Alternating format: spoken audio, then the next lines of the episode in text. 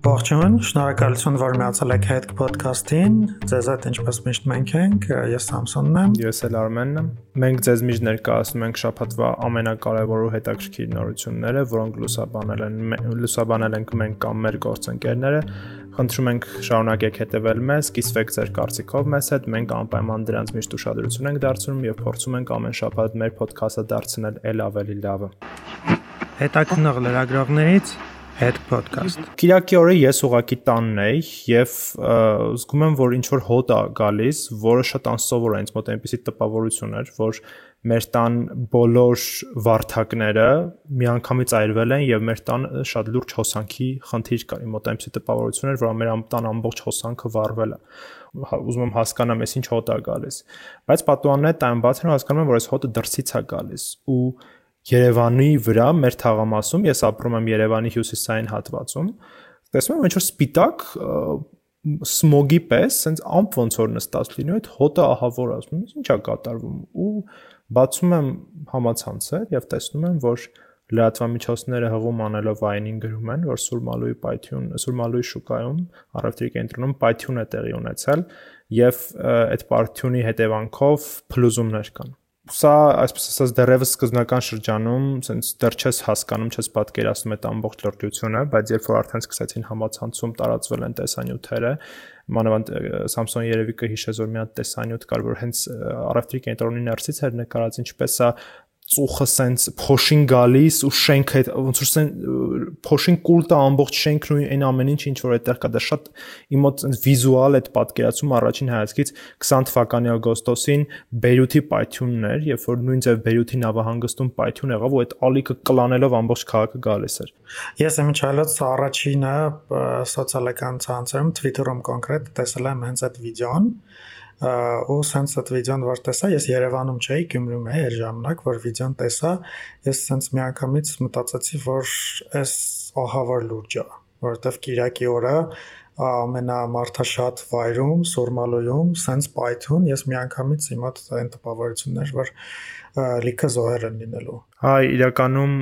այդ տպավորությունը միանգամից ին մոտ էլ առաջացավ, որովհետև նախ Կիրակի օրեր, նախ պիկ ժամեր, երբ որ սովորաբար մարտիկ իրենց գնումներ, այն էլ օրինակ հիմա 10 օրից սեպտեմբերի 1-ն է, Սուրմալուն հայտնի է որպես բավականին, այսպես ասած, հարմար գներով առևտրի կենտրոն, երբ որ մարտիկ կարող են այնտեղ գնալ եւ մեծածախ նաեւ գնումներ անել ես պատկերացնում եմ թե այդ պահին այնտեղ ինչքան մարդ է գտնվել։ Եվ արդեն սկսեցին տարածվել տեսանյութերը, սկսեց AI-ը արդեն հայտարարություններ տարածել ու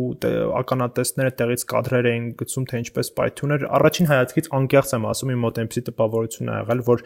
ահաբեկչական ինչ որ ակտ է։ Բայց հետո երբ որ մի տեսանյութ տարածվեց, որտեղ անընդհատ ճճտոսներ են լսվում են, իսկ դա շատ նման էր ինքնաձիգից բացած կրակահերթի։ Մի քանի վարքյան այդ ասենց վարկած եկավ մոտս, բայց միանգամից մոտս նաև ծակեց այն միտքը, որ սա կարա պայթուցիկ նյութերի հետ հրավառության նյութերի պայթյուն են, չնայած լուսային ինչ որ բան չկար, բայց ամեն դեպքում այդ պայթյունները, ճայթոցները շատ նման էին իրոք հրավառության ժամանակ այդ պայթյունների։ Ահա Եվ արդեն սկսեց ամեն ինչը, այնը սկսեց շրջափակել տարածքը, ոստիկանությունն անմիջապես եկավ այնտեղ եւ սկսվեցին որոնողական փրկարարական աշխատանքները։ Մի քանի օր շարունակ կրակը չէր հաջողվում կանգնեցնել որովհետև դրան նպաստող մի քանի գործոններ կան։ Նախ առաջին հերթին հրդեհը, որն առաջացել էր տարածքում, իսկ հետո պայթյուն էր տեղի ունեցել, լի էր բավականին մեծ թվով պայթուցիկ նյութերով։ Այնը իր հաղորդագրության մեջ նշել էր, որ խոսքը մոտ 4 տոննա պայթուցիկ, պայթյունավտանգ նյութերի մասին է պայթուցիկ, այսպես ասած, չասենք։ Երկրորդ պատճառն այն էր, որ կրակը շատ դժվար էր հանգցնել, որովհետև Երևանում երեկոյան ժամերին հատկապես բավականին քամի ուժգնությունը բավականին մեծանում է, իսկ քամին նպաստում է, որ այդ կրակը սկսի տարածվել, նոր օջախներ առաջանան եւ այլն բացի այդ սկզբնական շրջանում նաև մի փոքր ջրի խնդիր կար, որը չնայած շատ արագ նաև քաղաքապետարանի միջնորդությամբ լուծվեց այդ խնդիրը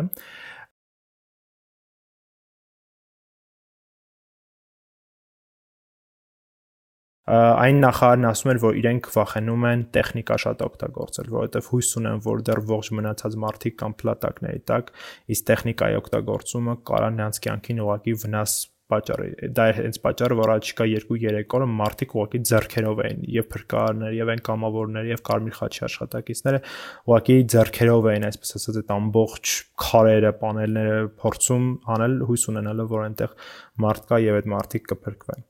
Ինչ ունենք մենք այս պահի դրությամբ այս Python-ի հետևանքով։ Ցավոք սրտի կա 16 զո։ Առողջապահության նախարարությունն էլ հայտնել էր, որ շուրջ ավելի քան 6 տասնյակ մարդ է դիմել բժշկական հաստատություններ, նրանցից մեծամասնությունը, ճնշող մեծամասնությունը դուրս է գրվել։ Այդ դիմացների մեծ մասը նաև միայն առաջին բուժօգնության կարիք են ունեցել։ Ներկայումս հիմա ամբուլատոր բուժում է ստանում 7 անձ, նրանցից ոչ մեկի կյանքին վտանգ չի սպառնում։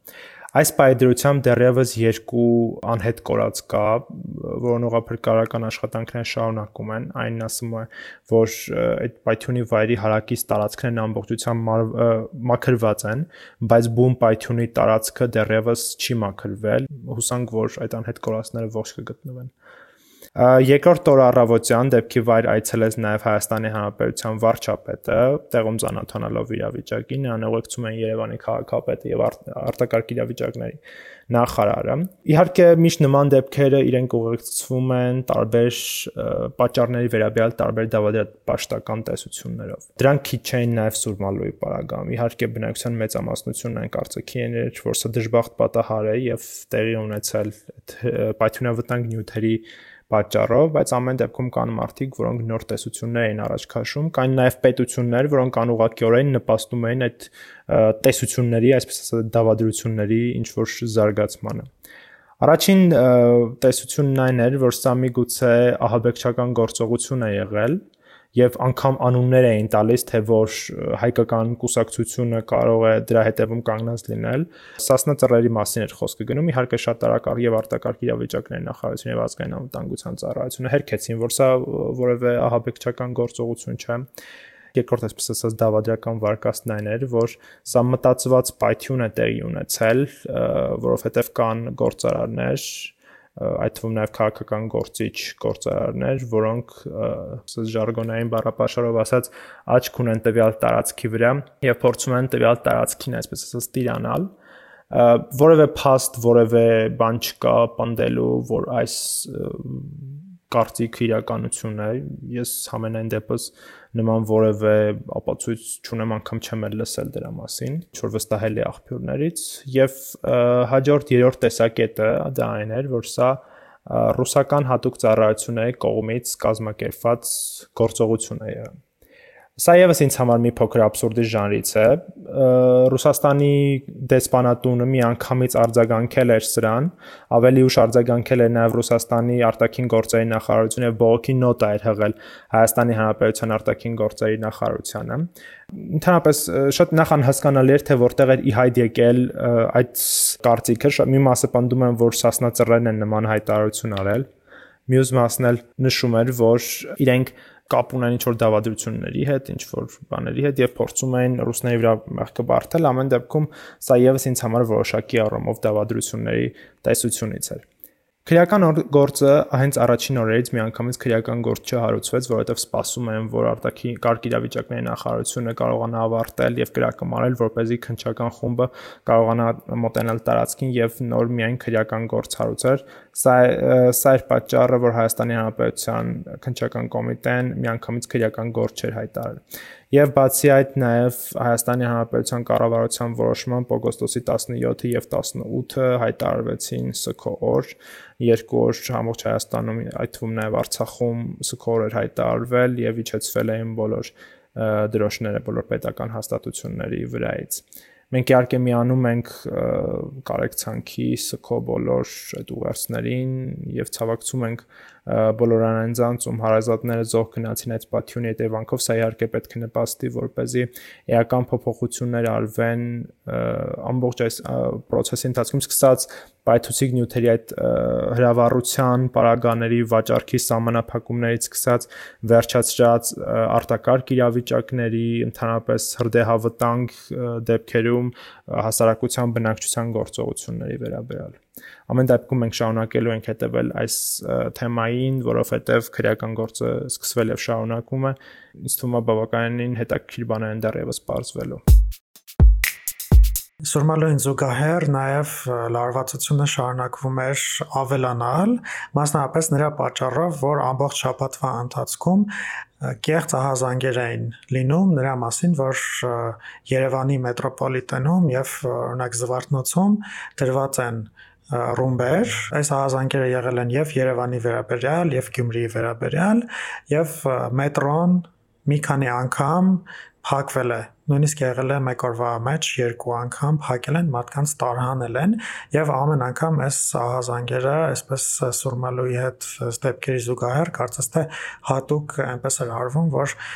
ժողովրդին ահաբեկված վիճակում պահել, այնպիսի տպավորություն ստեղծել, որ Հայաստանը ընդհանրապես ապահով երկիր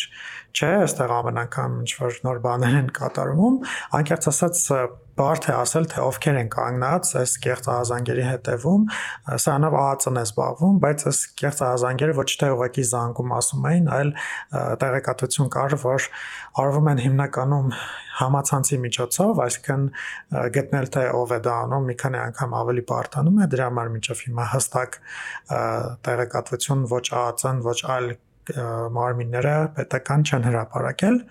Գյումրիի դեպքի հետ կապված արդեն մի հոգի ձերբակալված կա, այսօր են ձերբակալել այդ մարդուն, բայց այդ մարդը հենց նույն ազանգի օրը խոստովանական էր տվել, ասել էր, որ ինքը խմած է եղել, հարբած է եղել, ինչ որ պանիկայի մեջ է ընկել ու դրա պատճառով զանգել է։ Իհարկե շատ մանրամասներ չգիտենք, բայց Երևանի դեպքում ես անձամբ կարծում եմ, որ կարծես թե կազմակերպված արշավ լիներ Սոմալոյին զուգահեռ Ամենայն հավանականությամբ սրա հետևը կանգնած են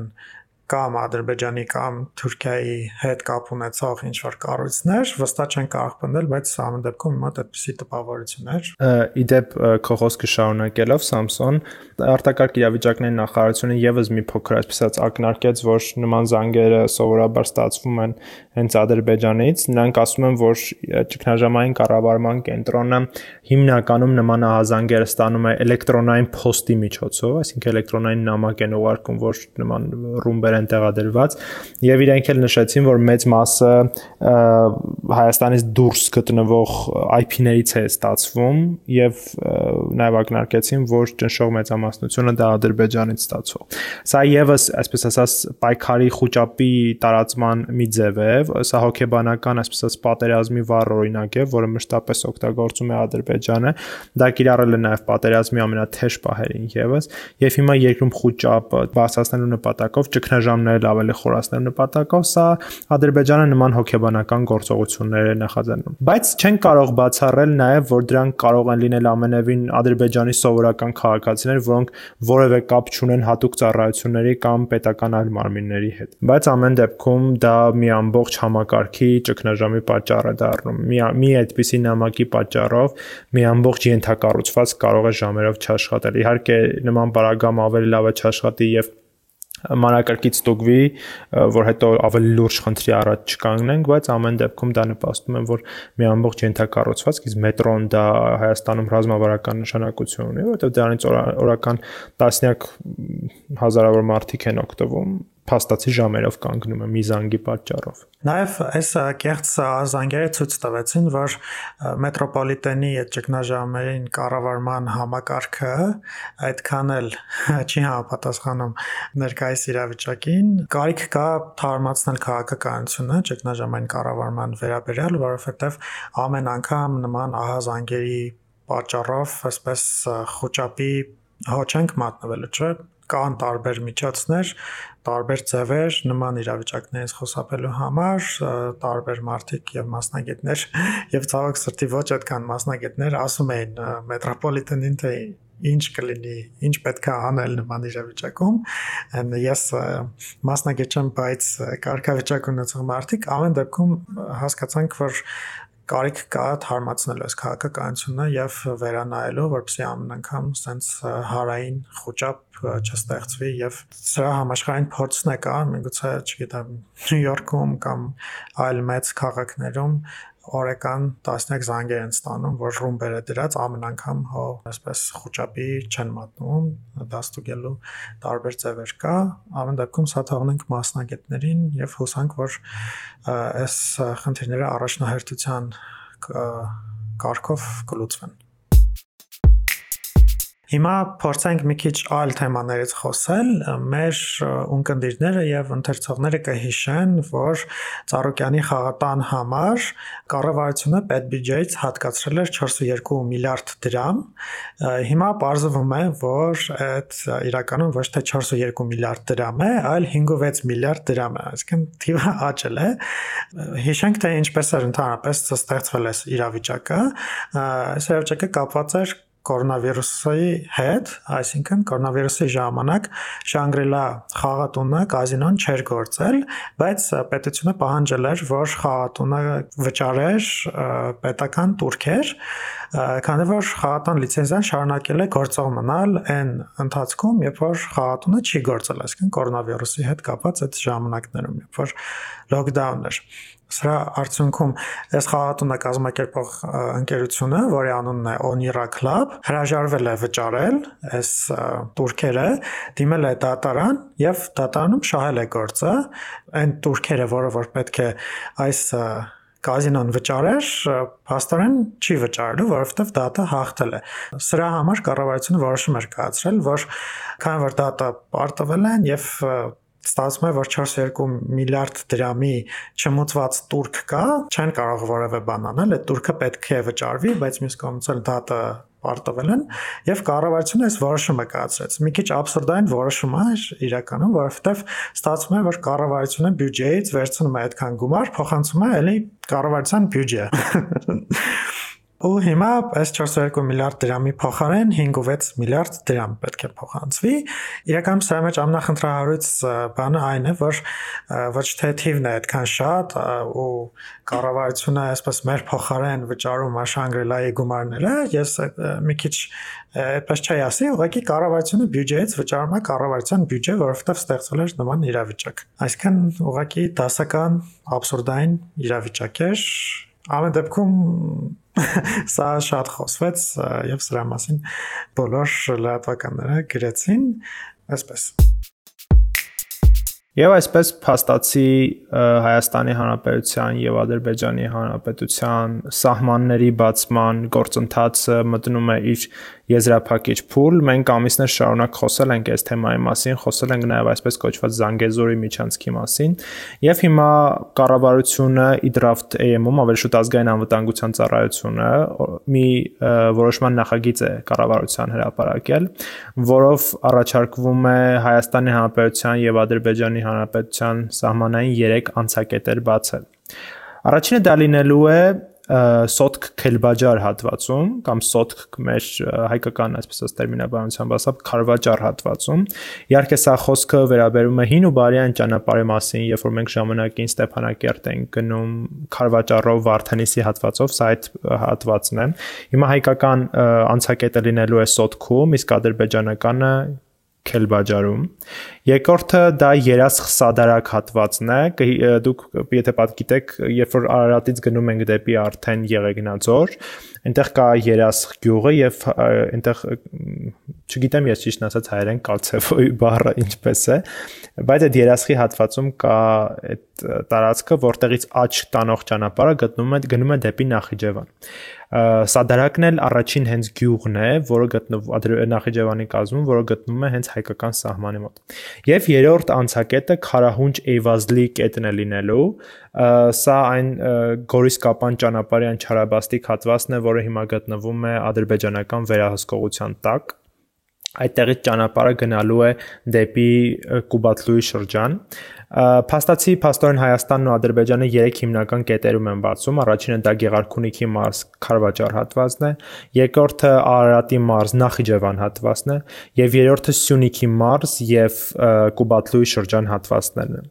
Ենթադրաբար բոլոր այս ճանապարհները սկզբնական շրջանում շարժվելու են դեպի Սադարակ, այսինքն Էվազլիից մտնելով նրանք գնալու են դեպի Երասխ, այնտեղից մտնեն Նախիջևան։ Սա իհարկե սկզբնական շրջանում, իհարկե հետո ավելի բնականաբար Գորիսից միանգամից մուտք ունենան դեպի Նախիջևան, բայց փաստացի ստացվում է, որ Հայաստանի Հանրապետության տնտեսական շրջափակումը արևելյան հատվածից բացվում է, սա ենթադրում է նաև մաքսային ծառայության ստեղծում, որովհետև նույն նախագծի մեջ նշվում է, որ կսահմանվի մաքսային հսկողության գոտիներ եւ կստեղծվեն մաքսակետեր, նման պետեկամուտների կոմիտեի վրա կառավարությունը նման պարտավորություն է դրել։ Գիշեր օգոստոսի 4-ի կառավարության նիստում Նիկոլ Փաշինյանը հայտարարել էր, որ օրենսդրությամբ սահմանված կարգով Ադրբեջանը կարող է մի քանի կետերով Հայաստանի սահմանը հատել եւ երթևեկություն իրականացնել դեպի Նախիջևան, սա հաջորդել էր Արցախում եւ Լաչինի հատվածում հայ-ադրբեջանական այդ լարվածությանը, երբ որ Ադրբեջանը պահանջում էր, որպեսզի Հայաստանը իրեն հստակ պատասխան տա Լաչինի նեղություն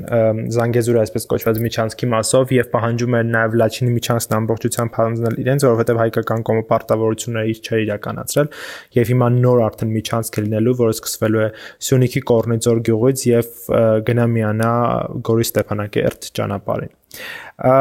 փաստացի սա նաև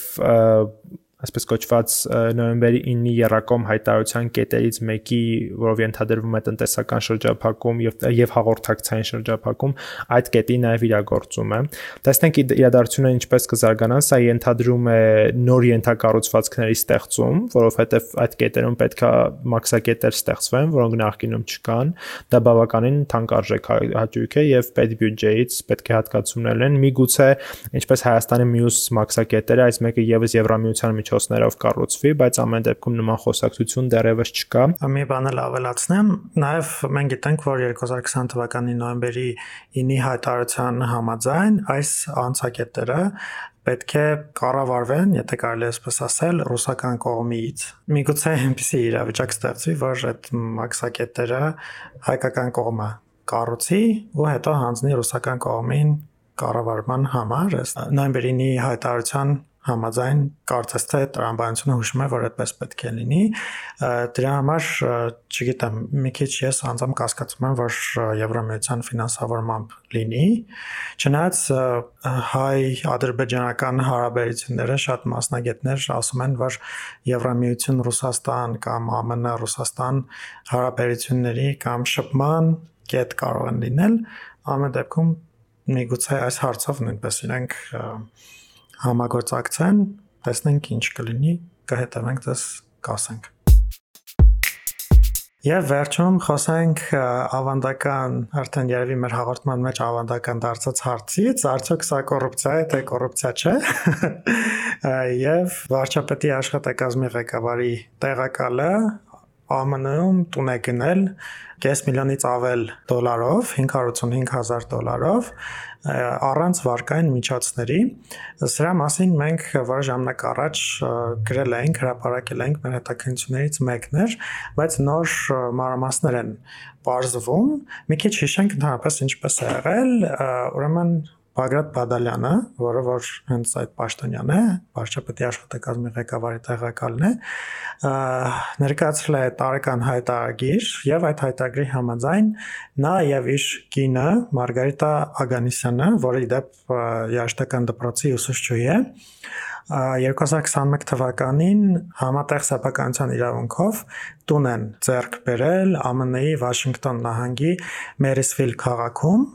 եւ հիմա որոշ մանրամասներ ենք բարձել այս գույքի վերաբերյալ Փաստաթղթում որևէ տվյալ չկա, որ այս գույքի ձեռքբերման համար Բադալյանը եւ նրա կինը որևէ վարկ են վերցրել, այսինքն սա թույլ է տալիս մեզ հետևություն անել, որ Բարձրաստիճան Պաշտոնյան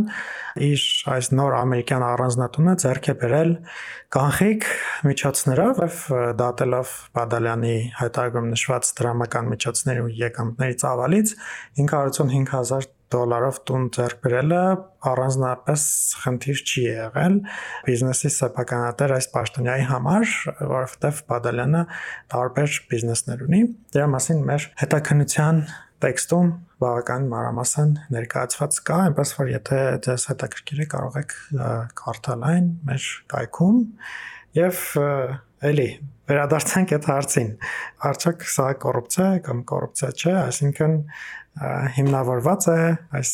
թանկարժեք տան ձեռքբերումը, թե հիմնավորված չէ։ Ներկայիս իշխանությունները շատ են սիրում խոսել ապօրինի գույքի մասին, շատ են սիրում խոսել այսպես ասած նախկինների ձեռք բերած շքեղ առանձնատների մասին, որոնց մասին մենք շատ անգամներ գրել ենք, հրապարակել ենք, բայց այնպես է ստացվում, որ ներկայիս իշխանությունում բարձր պաշտոններ ունեցող պաշտոնյաները շարունակում են պես թանկարժեք անշարժ գույքի ձեռքբերման ավանդույթները, որը որը որ նախկինում դրել են նախկինները, այսպես ասենք։ Այսքան այս շաբաթվա համար շնորհակալ ենք շատ բոլորիցդ, որ հետևում եք այդ ոդքասթին։ Մենք ամեն շաբաթ ձեզ ներկայացնում ենք տվյալ շաբաթվա ամփոփումը։ Սա ոդքասթ է հատկապես այն մարդկանց համար, ովքեր չեն հասցրել ողջ շաբաթվա ընթացքում հետևել նորություններին։ Մենք հակիրճ պատմում ենք դրա մասին եւ դրան զուգահեռ ներկայացնում մեր մեկնաբանությունները։ Խնդրում ենք բաժանորդագրվեք մեզ ոդքասթներ լսելու տարբեր հավելվածներում։ Եթե ունեք Android համակարգով աշխատող հեռախոս, կա Google Podcast հավելվածը, այնտեղ ուղակի գրեք հետք եւ բաժանորդագրվեք։ Եթե ունեք iPhone, iPhone-ի մեջ կա podcast հավելվածը, ելի գրեք հետք, բաժանորդագրվեք։ Նաեւ շատ շնորհակալ կլինենք, եթե միանաք մեր Facebook-յան խմբին, այնտեղ թողնեք մեկնաբանություններ, ձեր կարծիքը։ Մեզ համար շատ կարեւոր է ձեր արձագանքը Եվ խնդրում ենք տարածեք այս թողարկումը, ձեր ընկերներին ուղարկեք, ձեր բարեկամներին ուղարկեք։ Շնորհակալություն, կհանդիպենք հաջորդ շաբաթ վայելեք ամառվա վերջին օրերը։